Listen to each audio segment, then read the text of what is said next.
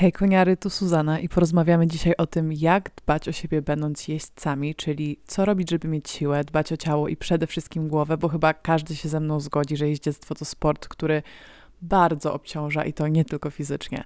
Na wstępie chciałabym powiedzieć, że odcinek powstał w partnerstwie z marką Health Labs Care, która produkuje suplementy diety stworzone z myślą o potrzebach aktywnych, świadomych ludzi.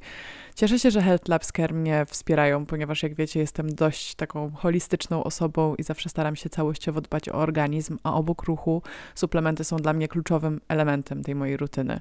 Jeżeli szukacie dobrych jakościowo suplementów, szczególnie teraz, kiedy mamy taki no, okres obniżonej odporności, samopoczucia jest szybko ciemno, wszyscy chorują, albo po prostu musicie uzupełnić zapasy, to zapraszam do zaoszczędzenia z naszym kodem zniżkowym. Mówię naszym, bo to jest nasz kod dla naszego community. Kod zniżkowy brzmi SU10 i z tym kodem w, właśnie w sklepie internetowym Health Labs Care możecie skorzystać z rabatu. I słuchajcie, zacznijmy sobie proszę od tego, że Okej, okay, chyba zawsze zaczynam w sumie od anegdoty, ale słuchajcie, jakby jak zaczęłam jeździć konno, znaczy nie dość, że w ogóle bałam się, to jakoś tak miałam taki obraz tego, że jeźdźcy to tacy hardkorowi ludzie, no nie? Że wsiadają na te konie, które przecież nie zawsze są bezpieczne i grzeczne, że trzeba mieć tyle siły i tyle wytrwałości. I mam też wrażenie, że mm, zaczynając jeździć w szkółce, troszeczkę we mnie to było wpajane, że jeźdźcem nie może być osoba słaba, taka przede wszystkim mentalnie, czyli coś cię boli, e, to nikogo nie obchodzi, zagryź zęby, jedź dalej. Czegoś się boisz? E, nie, nie ma czegoś takiego w naszym jeździeckim słowniku. I rzeczywiście, wiecie co? Ja bardzo długo w takiej mentalności tkwiłam i zrobiłam sobie przez to dużo krzywdy. I tak naprawdę dopiero kiedy ten mój taki tryb treningowy zaczął się zmieniać, kiedy zaczęłam trafiać na instruktorów i trenerów, którzy rzeczywiście no, znowu jakoś tak bardziej całościowo podchodzili do, do swoich uczniów, do koni, które mieli pod opieką, to zaczęłam rozumieć, że rzeczywiście tak się sportu nie uprawia. I pomyślałam, że chciałabym o tym zrobić odcinek, bo właśnie w nurcie tego, co przed chwilą powiedziałam, o swoich jakichś takich pierwszych doświadczeniach z jeździectwem i, i jakby spostrzeżeniach i takim, takiej mentalności, w której sama tkwiłam, ale która, która gdzieś tam pewnie też mi była przekazana od osób w cudzysłowie z góry. Dokładnie też takie wiadomości często od Was dostawałam i dostaję, kiedy piszecie mi, jak jesteście, nie wiem, na swoich różnych treningach traktowani, jakie są oczekiwania Wam stawiane, ale też jakie sami sobie stawiacie oczekiwania. I myślę, że dopóki jak gdyby my sami nie zrozumiemy, że tak nie może być, no to też nic się nie zmieni, no bo jak gdyby ta kadra, nazwijmy to nauczycielska, zawsze będzie w nas wpajać jakieś wartości, które oni wynieśli ze swoich czasów, a to tak naprawdę od nas się musi ta zmiana zacząć. No i generalnie ja na przykład pamiętam, że e, od początku miałam bardzo dużo takich problemów bólowych w siodle, to znaczy, wiecie, no ciało człowieka nie jest, nie rodzi się po to, żeby jeździć konno, no nie, to nie jest jakby jakiś tam naturalny zakres ruchu, dla nas to nie jest coś, co nasze ciało po prostu, e, tak wiecie, z defaultu od pierwszego dnia potrafi robić. Oczywiście są osoby, którym to przechodzi łatwiej, a niektórym ciężej. Wydaje mi się, że ogólnie od początku miałam całkiem fajną taką równowagę i, i wyczucie, ale wiecie co, na przykład ja miałam bardzo duży problem właśnie z takimi zapaleniami powięzi, e, z bolącymi kostkami od oparcia w, strze, w strzemionach, no bo gdzieś tam też na początku jeździło się dużo w pusiadzie, też coś tam skakałam. No i ja dosłownie doprowadziłam się do tego, że kiedyś skręciłam sobie kostkę w strzemionach. W ogóle nie sądziłam, jakby nie myślałam o tym, że to się może wydarzyć, ale tak się stało. Rzeczywiście skręciłam sobie tą kostkę.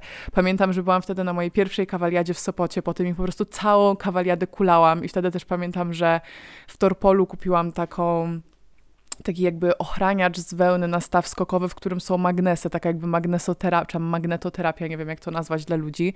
To rzeczywiście całkiem fajnie pomogło, ale pamiętam też, że wtedy miałam taki pierwszy moment, kurczę, to chyba tak nie powinno być, bo jak ja, osoba, która w sumie jest co tydzień czy co dwa u fizjoterapeuty, która stara się być świadoma i tak dalej, może po prostu dopuszczać do tego, że potem przez miesiąc kuleje i to się nie goi, no bo oczywiście dalej wsiadam na konia. I właśnie to jest, myślę, taki pierwszy punkt dzisiaj, który chciałam tutaj wrzucić, bo jeżeli mówimy o tej całej słabości, takim nieodpuszczaniu sobie, takim przesadzaniu, to to jest coś, co właśnie notorycznie obserwuję w jeździectwie i to nie tylko wśród y, amatorów i rekreantów, tylko właśnie też wśród y, jakby jeźdźców, którzy startują w zawodach.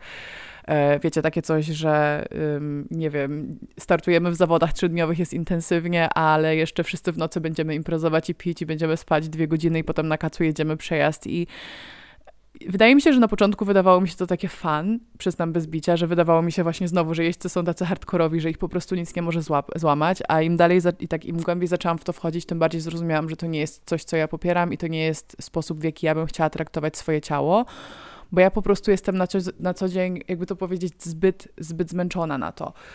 No jeżeli mówimy o tym, co zrobić, żeby to zmienić, no to po pierwsze trzeba sobie oczywiście zdać z tego sprawę, tak? Ale też ważnym punktem, który chciałabym, żeby tutaj wybrzmiał, to jest coś, co mówiłam, mam wrażenie, już w każdym odcinku po kolei, czyli takie stawianie granic. Nie tylko sobie, ale też w interakcji z naszymi trenerami, naszymi instruktorami, naszymi, nie wiem, rodzicami, tak? Jeżeli to wasi rodzice zarządzają waszym planem treningowym i waszymi końmi.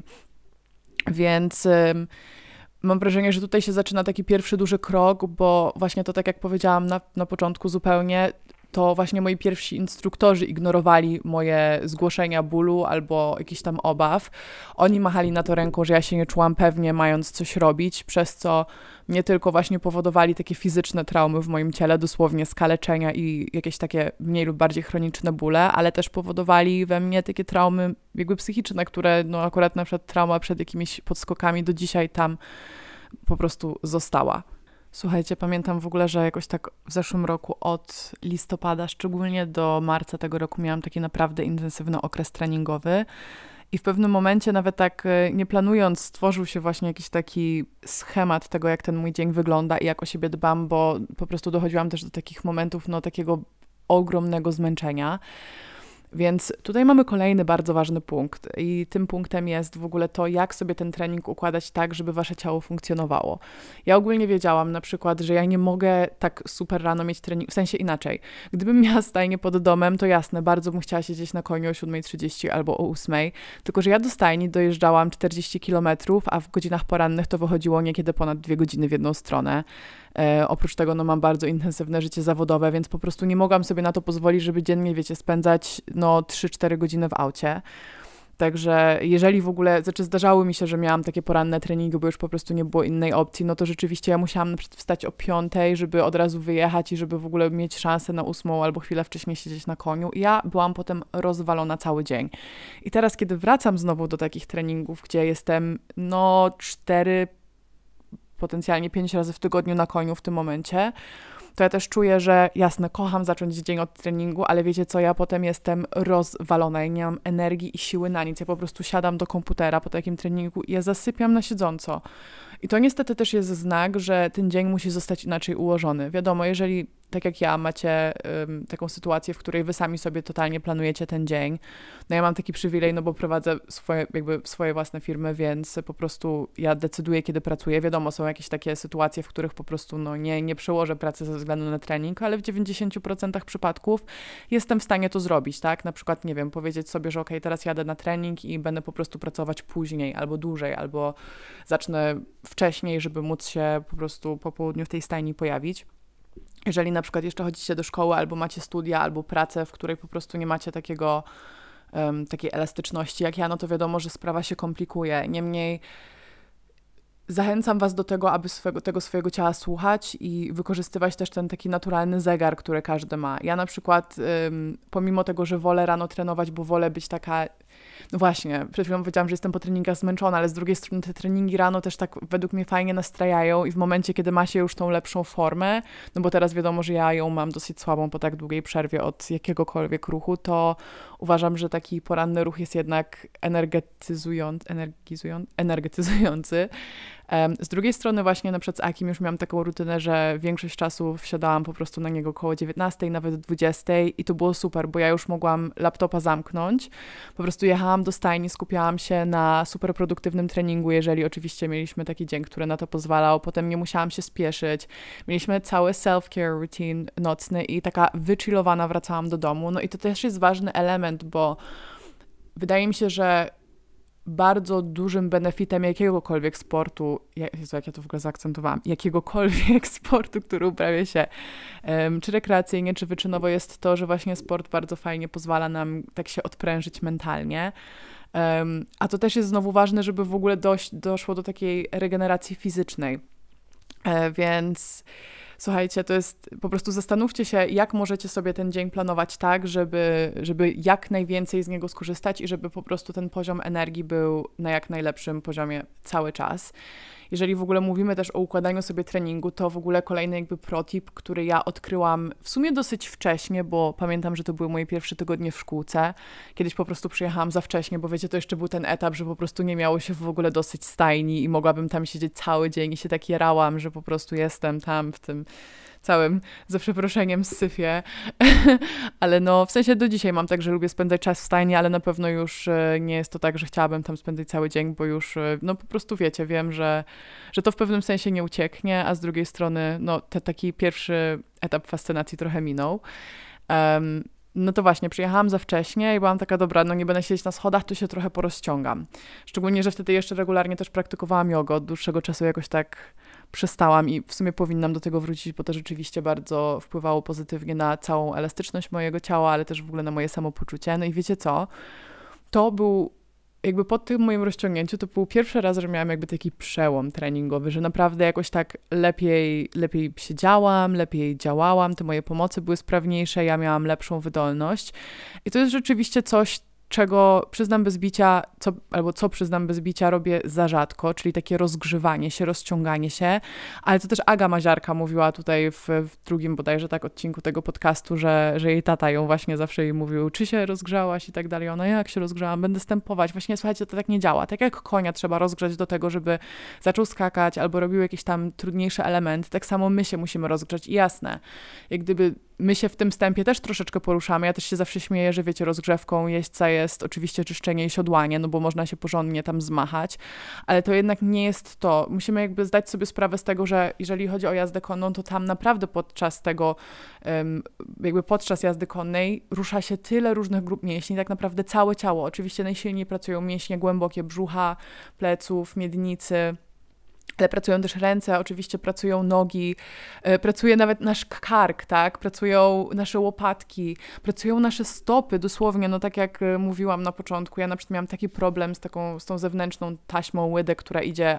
od, od kostki, a może nawet trochę niżej, bo po prostu dla mnie to takie oparcie w strzymionach i to napięcie, które no jest ogólnie pozytywne, było tak nieznane w moim organizmie, to był tak nieznany zakres ruchu, że po prostu powodował u mnie ból, powodował już za dużo spięcia. No i właśnie rozgrzewamy się jak gdyby korzystając z tych wszystkich partii, które mają być w użytku, czyli nie tylko, wiecie, nie wiem, jakiś wymach w tą i w tą, albo właśnie stęp, kurde, na koniu, tylko trzeba zastanowić się, jak to ciało ma funkcjonować i się porozciągać odpowiednio, troszeczkę się poruszać, wiadomo, dokrwić ten organizm i gwarantuję Wam, że nie tylko sam Wasz trening będzie wtedy lepszy i będziecie siedzieć głębiej, będziecie siedzieć lepiej, ale przede wszystkim też ta regeneracja będzie sprawniejsza, bo nie wiem, czy Wy też tak macie, ale ja na przykład szczególnie po jakichś takich przerwach, albo jak mam jakiś mocniejszy trening, to ja na przykład nie mam zakwasów prawie nigdy, ale ja mam takie, mam wrażenie, sztywne, ściągnięte ścięgna, szczególnie te, y, jak gdyby takie, jak nie wiem jak to się nazywa, te y, psoas, mięśnie, które są jakby tak od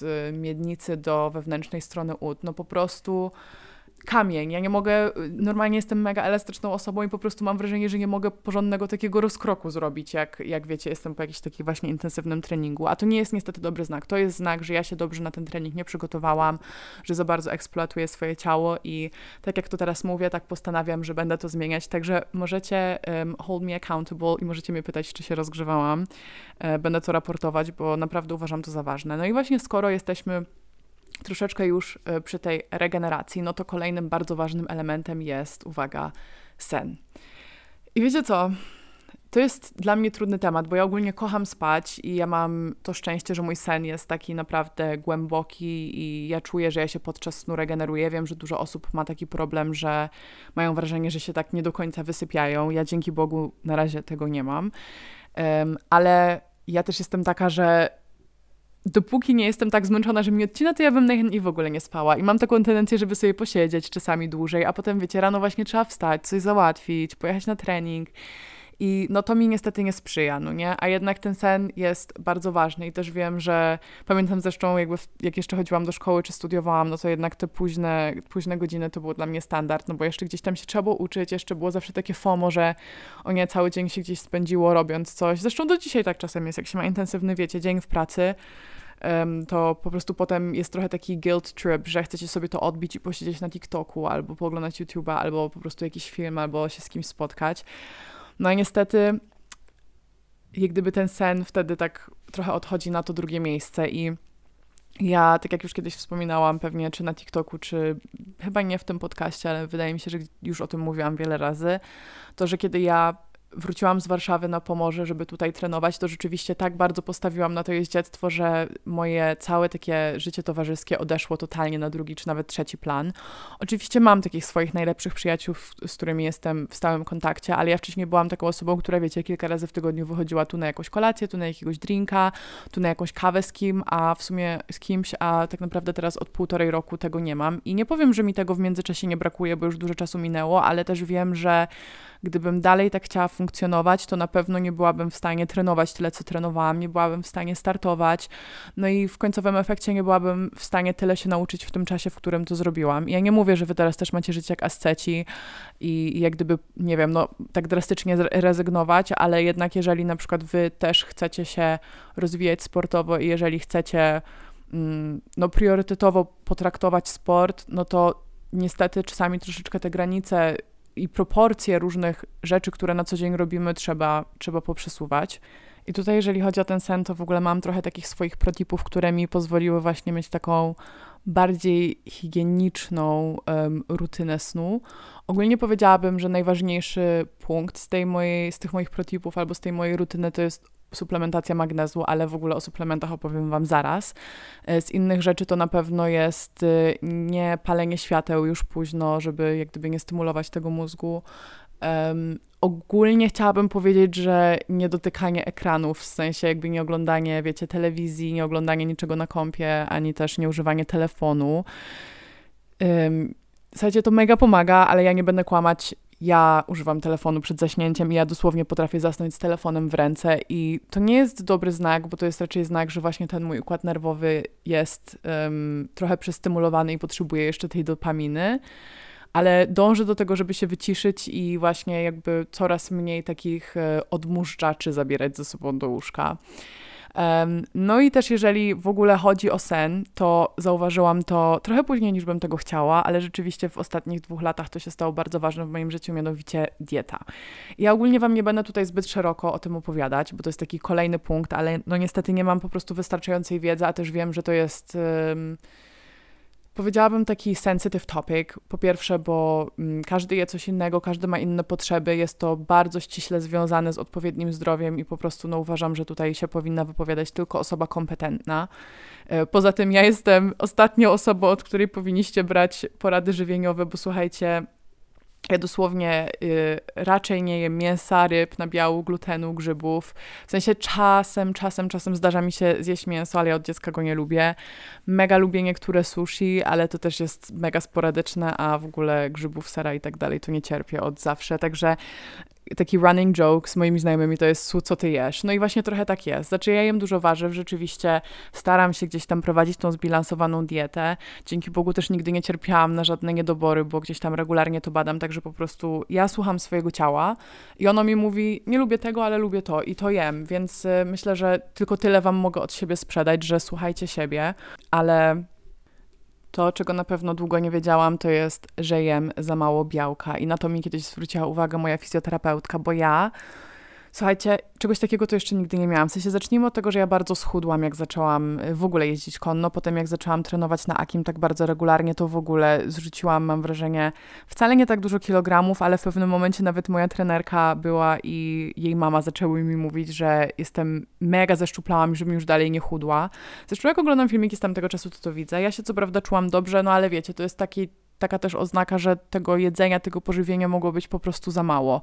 Poza tym też y, y, szło takie właśnie zmęczenie, szło y, taka, taki trochę brak koncentracji, taki wiecie, po prostu brak energii. Ja jestem tą osobą, że ja mam wrażenie, że ledwo się doczłapam do stajni, ale jak już widziałam Akiego i na niego wsiadałam, to byłam w takim trybie zadaniowym, że w ogóle o tym zapominałam i byłam taka właśnie wtedy doenergetyzowana, ale właśnie to jest niebezpieczne, bo to jest na dłuższą metę takie wycieńczanie swojego ciała.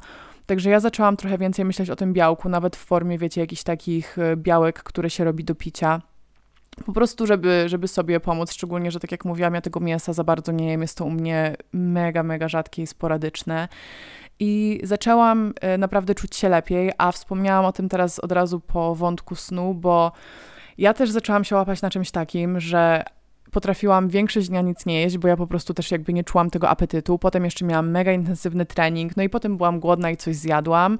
Potem wiecie, no moje ciało w końcu dostało pożywienie i um, gdzieś tam to przetrawiło i wieczorem na przykład jak szłam spać, to znowu byłam głodna, ale już nie chciałam dosłownie przed samym snem jeść, więc zasypiałam po dłuższym czasie niż zwykle, bo ja nie wiem jak wie, nie potrafię zasnąć głodna. Rano budziłam się albo już taka w ogóle znieczulona na potrzeby jedzenia, albo taka właśnie super głodna. A z drugiej strony, jak potem stwierdziłam, dobra, to jednak zjem coś przed snem, bo przecież nie mogę tak robić, to na przykład po prostu było mi za ciężko fizycznie, no nie, nie mogłam zasnąć, więc uważam, że jedzenie, wiadomo, każdy wie, że jest ważne, jest podstawą, a z drugiej strony jest często takie nie, niedocenione i takie troszeczkę jem, bo trzeba jeść, ale o tym nie myślę. I jasne, ja przyznam też szczerze, że ja nigdy u dietetyka nie byłam, ja nigdy żadnej takiej um, ułożonej pod siebie diety nie miałam. Myślę o tym teraz bardzo poważnie, żeby jednak e, wracając też do treningów i w momencie, kiedy te treningi już też będą bardziej usystematyzowane, żeby się jednak za to zabrać, bo no, wraca mój też drugi podcast, The Self Love Edit Podcast i tam, tak jak wam obiecałam, opowiem wam, co się w ostatnich miesiącach ze mną działo i jakby uważam, że znaczy oczywiście głównym powodem tego, to już mogę wam teraz powiedzieć, był stres, ale generalnie cały właśnie ten mój tryb treningowy, o którym dzisiaj wam tutaj opowiadam, uważam, że też był dużym bodźcem w tym, dlaczego moje zdrowie tak się rozwaliło na no, wiele miesięcy. Um, I nie chciałabym jeszcze raz do tego dopuścić, także uważam, że to jest po prostu super ważne. No i właśnie też kolejnym elementem i w tym moim powrocie do zdrowia, ale też w ogóle w takim dobrym planie treningowym i w tym, jak dbać o swoje ciało, jest ta suplementacja, o której już przez chwilę wspomniałam, bo tak jak mówiłam, Moim takim top jeden suplementem jest magnez, nie tylko pod kątem snu, ale przede wszystkim właśnie pod kątem takiej regeneracji i regulacji e, układu nerwowego, bo z tego, jak ja to rozumiem, to właśnie tak ten magnes działa. W momencie, kiedy on reguluje nasz układ nerwowy, to nasze mięśnie są w stanie odpuścić napięcia, są w stanie się rzeczywiście zregenerować i nie przewodzić tyle, tyle bodźców, jakby to normalnie robiły właśnie w stanie jakiegoś takiego napięcia. I wiecie co, ja magnes zaczęłam pierwszy raz brać już wiele lat temu, jak właśnie czytałam, że też bardzo pozytywnie wpływa na samopoczucie, na łagodzenie jakichś takich... Stanów napięcia lękowego i tak dalej. I zaczęłam go brać na noc. I rzeczywiście, słuchajcie, ja teraz już powiem szczerze, nie mam aż tak wrażenia takiego silnego, no bo wiadomo, jakby biorę generalnie magnes codziennie, um, ale pamiętam, że pierwsze razy, jak w ogóle zaczęłam magnes suplementować i po prostu brałam na noc taką większą dawkę, to ja nagle miałam tak równy, głęboki sen, bez jakichś takich płytszych momentów, po prostu taki sen, że tak jak wcześniej powiedziałam, ja ogólnie nie narzekam na sen, ale jednak wiecie, to jest takie, powiedziałabym, 8,5 na 10, a po tym magnezie się budzę 10 na 10. Po prostu jest od, od dechy do dechy, od początku, kiedy zasnę, do momentu, kiedy się obudzę, jest taki no nie wiem jak to nazwać inaczej. No mówię, taki po prostu równy sen, budzicie się tacy wyspani, tacy odświeżeni i przede wszystkim to, z czym mi też magnes bardzo pomaga właśnie, to jest to, że ja mam na przykład ten, znaczy teraz już mniej, ale miałam przez wiele lat problemy z zapaleniami powięzi moich mięśni. Bardzo łatwo do tego dochodziło, też jak już mi się rzadko, jak, bo rzadko, ale jak mi się robiły zakwasy, to to nigdy nie były takie zwykłe zakwasy, tylko od razu już takie właśnie zapalenie się robiło w mięśniu. I jak ja właśnie tak uderzeniowo też ten magnes wtedy suplementowałam, to te mięśnie o wiele szybciej przestawały boleć. Czasami było tak, że właśnie jakiś mięsień był bardzo taki um, po prostu spięty, zapalony i rano po dużej dawce magnezu właśnie było już całkiem spoko. Także to jest wiedza akurat sprawdzona z moją fizjoterapeutką, z moim lekarzem, który też właśnie mówi, że magnes tutaj potrafi bardzo dobrze zadziałać.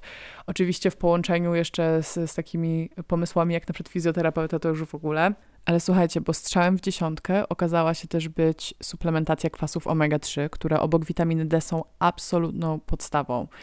Ogólnie to jest tak, że omega-3 jest ważnym źródłem tak zwanych kwasów EPA i DHA, które to właśnie one działają korzystnie na organizm. I teraz tak, kwas EPA zmniejsza stany zapalne, no co jest znowu super istotne, kiedy dużo trenujemy, no bo cały czas dochodzi do jakichś mikrourazów w mięśniach, cały czas te mięśnie są nadwrężane, a jeżeli notorycznie coś w ciele nadwrężamy, to tam się tworzy czasami nawet mały, bo mały, ale po prostu stan zapalny. A także ten kwas EPA wspiera nas w walce z obniżonym nastrojem, na który jesteśmy teraz wszyscy tak podatni, jak wiecie, o 15.30 u mnie się robi ciemno po prostu. Natomiast kwas DHA wykazuje silne działanie poprawiające pamięć i koncentrację, więc wiecie, idealnie, jeżeli y, macie jakieś czworoboki do przejechania, jakieś parkury do zapamiętania, jeżeli macie aktualnie dużo pracy i nauki, może to właśnie dlatego nigdy nie pomyliłam czworoboku, z czego jestem osobiście bardzo dumna, bo każdy mnie straszył, że to się musi chociaż raz zdarzyć, a u mnie jakoś było ok. No i właśnie w Health Labs Care, o którym już wspominałam, mają taki kompleks, który nazywa się Omega Me, a w nim znajdują się takie wysokie dawki tych kwasów, e, bo aż 500 mg EPA i 250 mg DHA, co pokrywa nasze dzienne zapotrzebowanie w jednej kapsułce dziennie, co jest super, bo ja kiedyś brałam naprawdę całą garść po prostu tabletek. No i co jest na pewno jeszcze super fajne, to właśnie Health Labs Care ma też taką wersję tych kapsułek omega-3 dla wegan. Ona nazywa się po prostu Omega Me Vega. Dalej w temacie suplementacji mogę Wam jeszcze powiedzieć, że ja y, suplementuję w dosyć dużych dawkach witaminę D. No generalnie żyjąc w naszej szerokości y, geograficznej, tak, mówi się, że no zawsze jesień, zimę, wiosnę powinno się suplementować. Ja rzeczywiście pierwszy raz w życiu zaczęłam to tak skrupulatnie robić, bo jakoś też wcześniej nie miałam nigdy tych niedoborów, teraz one się pojawiły, ale też zauważyłam w ogóle, że jak suplementuję tą witaminę D, to po prostu automatycznie czuję się lepiej, jakby czuję rzeczywiście ten wpływ. Y, znowu mam wrażenie, że mam taki trochę równiejszy poziom energii i no, dzięki temu po prostu lepiej mi się funkcjonuje. Suplementuję też jeszcze witaminę B, bo znowu ona mi pomaga w utrzymaniu lepszego samopoczucia, koncentracji i właśnie pamiętam, że w zeszłym roku, jak taki, ten taki tryb treningowy mi się zaczął intensywny z Akim, to jak byłam cały czas taka zmęczona, to ja rano nie mogłam się dobudzić.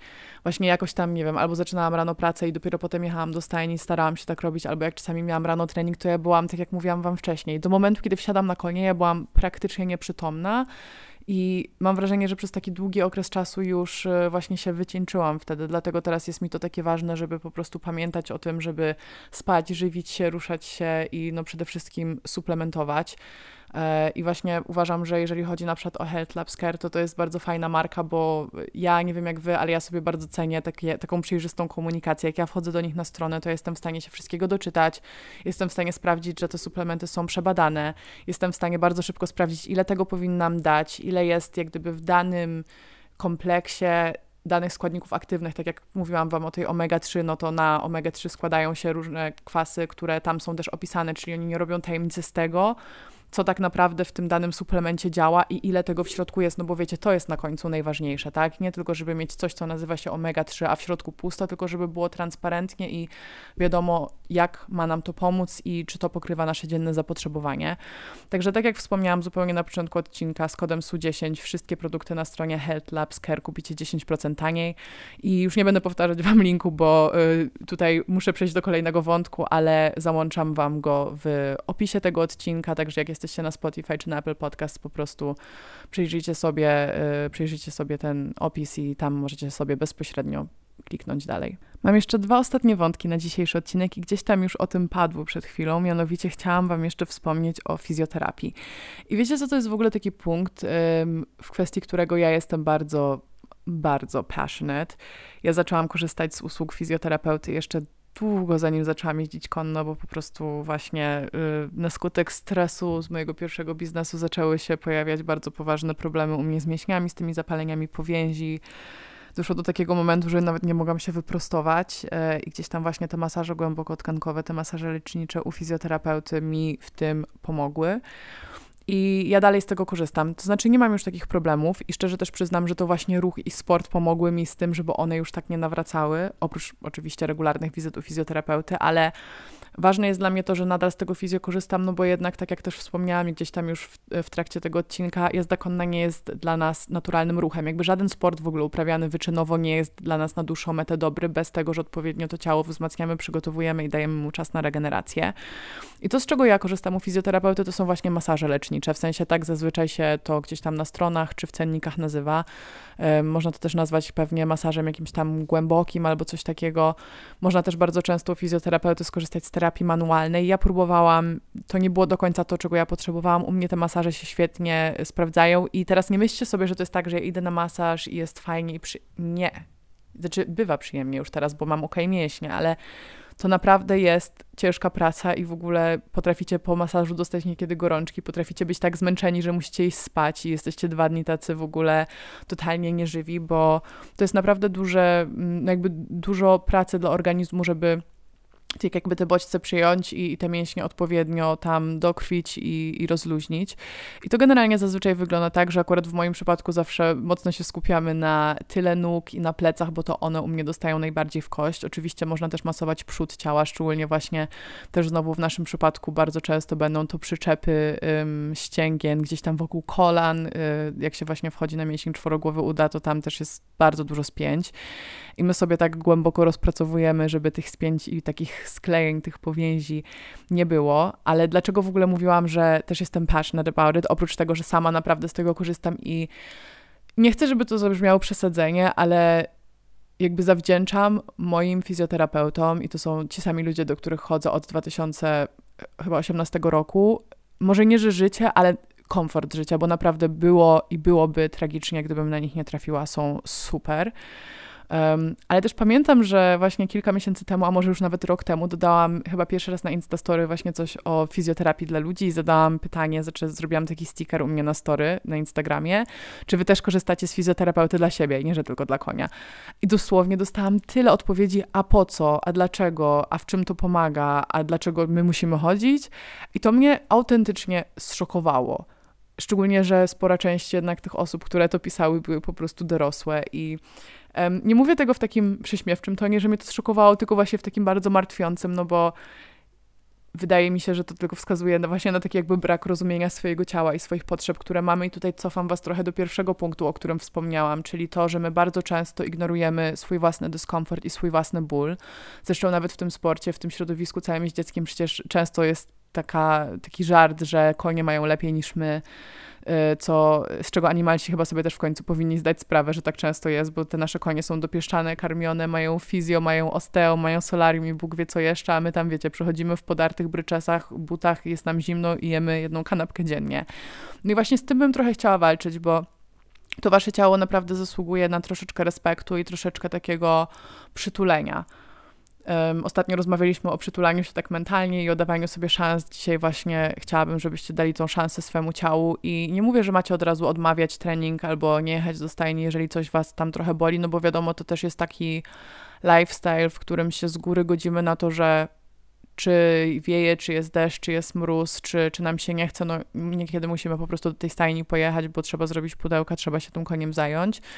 Ale mówię raczej o tym, że jeżeli wiecie, że macie dzisiaj do pojeżdżenia, nie wiem, dwa konie, trzy konie, tak, i to nie jest tak, że to jest y, wasza praca i jesteście na to jakoś tam zdani, wtedy wam trochę współczuję, no bo domyślam się, że to może być trudniejsze, to odpuśćcie sobie, jakby nie ma żadnej hańby w tym, żeby też, nie wiem, jeżeli macie jakiś ambitny plan treningowy na dzisiaj, żeby zrobić go następnym razem, a dzisiaj pojeździć luźnie, jeżeli wiecie, że absolutnie musicie wsiąść, tak.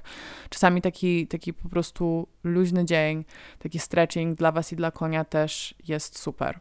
W sumie powiedziałam, że mam dwie rzeczy, bo nie zapisałam sobie tej, ale teraz tak pomyślałam. Mówiłam o tym z dwa czy trzy odcinki temu, ale jeżeli mówimy o odpowiednim treningu, to pamiętajcie też proszę razem z fizjoterapeutą o tym, że jazda konna nie powinna być jedyną formą ruchu, którą uprawiacie. Wzmacniajcie to ciało właśnie też inaczej, rozciągając się, praktykując jogę, pilates, chodząc na siłownię, trenując coś, gdzie w innym zakresie ruchu używacie swojego ciała. I dobra, teraz słuchajcie, już na pewno ostatni punkt obiecuję i to jest... Yy, bardzo ważne. Wiem, że nie zawsze w pełni możliwe dla wszystkich, ale słuchajcie, odpowiedni sprzęt.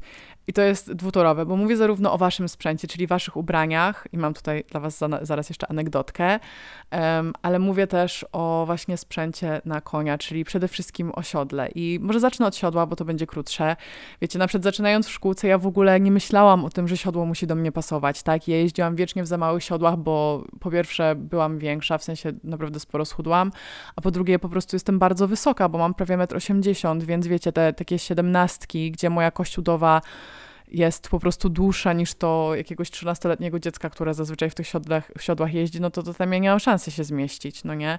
A jednak ciężko jest od siebie oczekiwać odpowiedniego dosiadu i w tym wszystkim też odpowiedniego zaangażowania mięśni, jak nie macie jak usiąść. Jak albo siedzicie na tylnym łęku, albo na przednim, albo w ogóle, tak e, powiem to obrazowo, wypływacie z tego siodła, albo was wywala do przodu. To też jest jakby coś, na czym ja się jeszcze za mało znam, ale już mając teraz takie bardziej mm, wyczulone te moje pomoce, ja też czuję, że na przykład, nie wiem, niektóre siodła po prostu mnie bardziej wywalają do przodu, niektóre totalnie są dla mnie takie jakby źle skonstruowane i wiadomo, że nie zawsze właśnie mamy ten luksus, żeby powiedzieć, o potrzebuję, nie wiem, siodło 18,5 cala, takie, takie szerokie siedzisko z takimi klockami i to i tamto, ale Mówię to bardziej teraz w kontekście tego, że w momencie na przykład, kiedy ja to zrozumiałam, że to siodło naprawdę dużo zmienia, to ja też byłam dla siebie trochę bardziej taka łaskawa i rozumiałam, że pewnych rzeczy nie przeskoczę. A z drugiej strony, jak gdzieś wsiadam na przykład na konia innych ludzi, to zawsze, jeżeli wiem, że na przykład oni mają o wiele za małe siodło, to pytam, czy mamy szansę od kogoś pożyczyć większe, bo i koniowi będzie lepiej i mi. Jeżeli chodzi o inny sprzęt dla konia, to w sumie mogę tylko jeszcze wspomnieć o strzemionach, że rzeczywiście na przykład osoby, które mają problemy z kolanami często wspominają, że po zmianie strzemion jakieś takie bardziej amortyzujące ten problem mija. Ja problemu z kolanami nigdy nie miałam, więc akurat pod tym kątem tego nie mogę powiedzieć i też wiecie, no w ujeżdżeniu te strzemiona one są i to oparcie jest równe, ale ono też jest takie bardzo lekkie, tak? Jak gdyby my bardzo głęboko siedzimy i jak gdyby te strzemiona tam tam nie chodzi o to, żeby na nich stać, nie? Tak jak to jest w, na przykład w skokach, czy właśnie na krosie, czy u rekreantów, którzy po prostu lubią sobie, wiecie, może w siodle skokowym pojeździć, jednak w jeżdżeniówce to jest zupełnie inaczej. I e, ja co prawda rzeczywiście y, mam już swoje preferencje, bo to też wynika z tego, że już się trochę objeździłam, już potrafię sobie usiąść i jakby wiem, co mi służy. I tak jak kiedyś bardzo lubiłam takie, wiecie, zwykłe, żeliwne, wąskie strzymiona, to teraz mam też takie i powiem wam, że niewygodnie. Po prostu jakby mają dla mnie za wąską stopkę. Ja też mam yy, jakby taką trochę krzywą stopę, w sensie takim, że nie potrafię jej tak idealnie równo obciążyć. Yy, to też, gdybym może dalej praktykowała jogę, to byłoby to lepiej, bo na pewno kiedyś było lepiej. Więc ja preferuję taką właśnie szerszą stopę, stopkę, nawet czasami taką troszeczkę y, jak gdyby ustawioną pod kątem, bo tak też można. Ja aktualnie jeżdżę w free jumpach Air z tych ujeżdżeniowych i są świetne. I właśnie jak ja się w nie przesiadłam, to ja pierwszy raz zrozumiałam w sumie o co chodzi ludziom z tym, że preferują jakieś od innych strzemion. No w tych strzemionach po prostu jest mi tak wygodnie, że ja w ogóle nie mam problemu z tymi moi, moimi kostkami, z tym, że właśnie mam wrażenie, że jakoś dziwnie mi się stopa rotuje. No i nawet z tego powodu po prostu warto, no nie? I akurat jeżeli chodzi o strzemiona, to to jest coś, co nawet do szkółki możecie ze swoimi poślistkami przynieść i na pewno jest to wiele tańsze niż siodło. A tak to jeżeli chodzi o konia, to myślę, że cały inny sprzęt na koniu um, jak gdyby tam nie jest już, nie ma takiego dużego elementu waszego komfortu, no bo wiadomo, możemy też powiedzieć, że ktoś ma takie, a nie inne preferencje co do wodzy, jakieś gumowe, grube, yy, cienkie, gumowe, niegumowe, więc no wiadomo, to są już takie mniejsze rzeczy, ale myślę, że nie tak istotne jak, jak samo dopasowanie siodła pod jeźdźca, oprócz tego, że jest oczywiście powinno być super dopasowane do konia.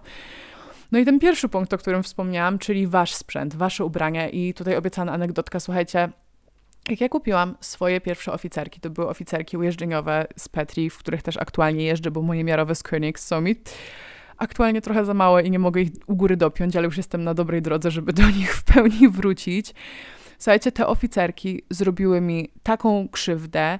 Teraz też wiecie, przez to, że lepiej jeżdżę i ta noga nie jest tak um, nadmiernie eksploatowana, bym powiedziała, to też już nie mam z nimi aż takiego problemu, jaki miałam, no ale te buty naprawdę nie są wygodne. Jedyne, co w nich lubię, to, że są naprawdę takie sztywne w cholewce, ja to po prostu kocham, ale w tej okolicy kostki, przecież te buty powinny sprężynować i powinny dopuszczać jakiś ruch, a nie być betonem, a ja w tych butach naprawdę wyjeździłam setki, jak nie tysiące godzin. I teraz, nie no, myślę, że setki bez przesady są, nie? tak? Tak. Sorry, tak się zaciamiłam. Taka, co ile ty jeździsz? Chyba, chyba nie 10 lat.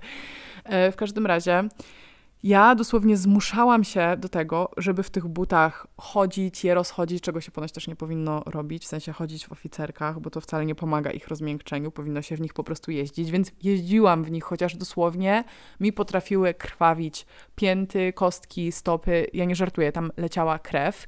I ja byłam taka znowu, zagryź zęby, y, to są buty do twojej dyscypliny, musisz je nosić, do tego stopnia, że ja na przykład miałam takie krwiaki za kolanami, wiecie, tam gdzie jest tak miękko i tam żyły przebiegają i dosłownie moja fizjoterapeutka zaczęła tak na te buty psocić, że w ogóle to jest chore, że nie powinniśmy ich nosić, że to jest mega też niebezpieczne i rzeczywiście ja wręcz zaczęłam na przykład dostawać yy, akurat, a nie, przepraszam, to nie od tych butów, od oficerek skokowych, co mają zamek z tyłu. Ja bardzo nie lubię zamków z tyłu w oficerkach, ja lubię te zamki ujeżdżeniowe, co są z przodu, bo zaczęłam regularnie dostawać zapalenia Achillesa, ścięgna Achillesa od tego, że mi się ten zamek tam wbijał z tyłu na dole przypięcie. Ale właśnie z tymi, z tą anegdotą o tych butach um, ujeżdżeniowych, tych oficerkach, to po prostu miałam tak, że Jezus, co to, dlaczego my w ogóle przechodzimy przez takie cierpienia i robimy w sensie jakby jedna rzecz to jest wygląd, tak, ale to nawet nie jest funkcjonalne, jeżeli wy dosłownie nie jesteście w stanie użyć łydki, bo ona jest, nie wiem, ona już krwawi w tym bucie. I to jest właśnie też coś, co ja zrozumiałam po jakimś czasie, w sensie być może dla niektórych z was to brzmi oczywiście, chociaż e, rozmawiałam z wieloma jeźdźcami, którzy też tak na swoje oficerki gadają i po prostu każdy zagryza zęby, a przecież nie o to chodzi. To jest sport, nam musi być wygodnie, my musimy być przede wszystkim w stanie działać i właśnie takie odpowiednie dobranie tego tego ubioru, wiecie, dobrych bryczesów, w których wam jest wygodnie, w których się nie ślizgacie, odpowiedniej ilości, nie wiem, bluzek, tak, żeby wam nie było ani za zimno, ani za ciepło, żeby gdzieś tam one były, właśnie ta termoregulacja była zachowana, odpowiednich butów, które są dobre rozmiarowo, które nie są za niskie, bo to sorry, ale ja to też notorycznie widzę i to jest wiadomo inaczej też trochę u osób, które jeszcze rosną, no bo to można czasami nie dodążyć z oficerkami, ale jak widzę na przykład osoby dorosłe, które sobie kupują za krótkie oficerki, to mnie po prostu boli, bo one jeszcze bardziej osiądą, one zaczną wam się wrzynać w nogę, haczyć o siodło, to naprawdę nie jest ani wygodne, ani przyjemne, ani też bezpieczne, jeżeli cały czas będziecie się o to siodło haczyć, szczególnie w tych ujeżdżeniówkach. Tak samo, nie wiem, rękawiczki, tak? Jednak bardzo łatwo przeciąć sobie palce i to się potrafi miesiącami babrać potem, jak sobie tak przetrzecie ostro skórę na palcu. No i to jest też oczywiście kask i tutaj mówimy już o bezpieczeństwie, no nie? W sensie, nie powiem, podobało mi się ujeżdżenie w, w cylindrach. Tak, to się tak mówi, cylinder? Chyba tak. E, podobało mi się to w każdym razie. Podoba mi się też czasami, wiecie, jak ktoś wsiada bez kasku, ale z drugiej strony ja chyba raz albo dwa razy w życiu stępowałam bez kasku i to by było tyle, bo to nie jest tak, że od, uważam, że od razu by mi się coś stało, ale jednak nie bez powodu jeździectwo jest zaklasyfikowane jako sport ekstremalny i uważam jednak, że dbałość o to bezpieczeństwo, bo naprawdę nigdy nie wiecie, co się stanie, nawet na najbardziej zaufanym koniu jest no, priorytetowe. I myślę, że na tym wątku sobie skończymy, bo tutaj też no nie będę wam mówić, co macie ubierać, czego nie, to właśnie wy musicie to do siebie dopasować i to jest w ogóle puenta całego tego odcinka. Dopasowanie. Nie ma jednego wzoru, jeżeli mówimy o bycie jeźdźcem. Wiadomo, że są pewne wytyczone szlaki, są pewne sprawdzone produkty i ja też wam się zawsze staram polecać to, co mi się sprawdza, ale na koniec dnia myślę, że każdy musi zrobić taki krok wstecz i zastanowić się, czego aktualnie potrzebuje wasze ciało co zrobić, żeby wam było lepiej, zastanowić się, czy rzeczywiście was, wasz odpowiedni plan, Jezus, już mi się język plącze, przepraszam, czy wasz um, aktualny plan treningowy rzeczywiście wam służy, czy być może trzeba tam wprowadzić troszeczkę zmian. Myślę, że jeżeli dużo trenujecie, to właśnie zachęcałabym Was do przyjrzenia się przede wszystkim swojej diecie, a no, na pewno też suplementacji. To jest dla mnie przynajmniej prostsze, bo wolę sobie właśnie o tym poczytać i coś włączyć, e, niż stać i gotować i próbować, ale wiem, że to mnie też czeka. I no, mam nadzieję, że, że ten odcinek był kolejnym z serii takich przydatnych, yy, przydatnych po prostu treści, które pomogą Wam troszeczkę usystematyzować i uporządkować swoje życie jeździeckie. Ja się bardzo cieszę, ponieważ yy, zaczyna się taki bardzo intensywny okres kontentowo dla mnie. Wracam z podcastem The Self Love Edit. Yy, gdzieś tam też szykuję się do tego, żeby pojechać na kawaliady, które się niedługo zaczynają i właśnie jeszcze nie do końca wiem, w jakie będę dni, bo nie ukrywam, że chciałabym być na każdej, ale jeszcze nie wiem, czy na przykład uda mi się być w Poznaniu. Myślę, że do Warszawy wpadnę na jeden dzień. E, no na pewno powinna być w Sopocie i chciałabym też w Krakowie, bo w zeszłym roku nie byłam dwa lata temu, bo mi bardzo mi się podobało. No oprócz tego, tak jak wspominałam, mam dwa konie, na których trenuję i e, też teraz zaczynam więcej trenować na Showtime, na tym ogierze, o którym e, wspominałam i jestem do niego po prostu tak przekonana, w sensie tak super mi się na nim jeździ, więc nie mogę się też doczekać, żeby znowu się z wami tak, nie wiem czy codziennie, ale na pewno po prostu bardziej na bieżąco, wiecie, tak jak kiedyś, kilka razy w tygodniu dzielić tym, co się u mnie dzieje i wrócić do vlogów, bo naprawdę za vlogami na TikToku roku po prostu tęsknię najbardziej, ale z drugiej strony, no, co miałam nagrywać? Um, co jeszcze? Jezu, po prostu tak dużo się dzieje, że mam wrażenie w ostatnich dwóch tygodniach, że sama nie do końca wiem, w co ręce włożyć, ale to jest też specyfika tego ostatniego kwartału roku, szczególnie w mojej, w mojej branży, w której działam. Wszyscy klienci też się teraz przygotowują na ostatnie, tak naprawdę już teraz półtorej miesiąca roku. Wiadomo, jest dużo jakichś tam akcji, zaraz jest Black Friday. Także słuchajcie, kończę w tym momencie, bo wiecie, że jestem gadułą i mogę tak jeszcze gadać przez kolejne 25 minut. Bardzo Wam dziękuję za przesłuchanie odcinka. Pamiętajcie o kodzie zniżkowym do Health Labs Care, to jest SU10, macie wszystko w opisie odcinka. Słyszymy się w przyszłym tygodniu, słyszymy się też w moim podcaście The Self Love Edit Podcast, także wpadajcie, zapraszam do posłuchania. To jest taka tematyka właśnie ogólnorozwojowa, lifestyle'owa. Troszeczkę tak jak ostatni odcinek tego podcastu, tak jak też na początku powiedziałam właśnie, że on jest taki trochę w stylu self-love'a, jest takim może mało jeździecki, więc jeżeli potrzebujecie takich treści do posłuchania, żeby tak pokminić i poczuć się, mam nadzieję, trochę lepiej, to zapraszam Was do posłuchania mojego drugiego, a w zasadzie pierwszego programu. No i jeżeli lubicie ten podcast, to byłoby mi bardzo, bardzo, bardzo, bardzo, bardzo, bardzo miło, jakbyście swoje ulubione odcinki wysłali do kogoś, kogo lubicie i tym samym umilili im dzień, bo im większa będzie tutaj nasza społeczność, tym myślę, że ciekawiej i w ogóle lepiej będzie nam w jeździectwie. Życzę Wam miłego dnia, pa pa!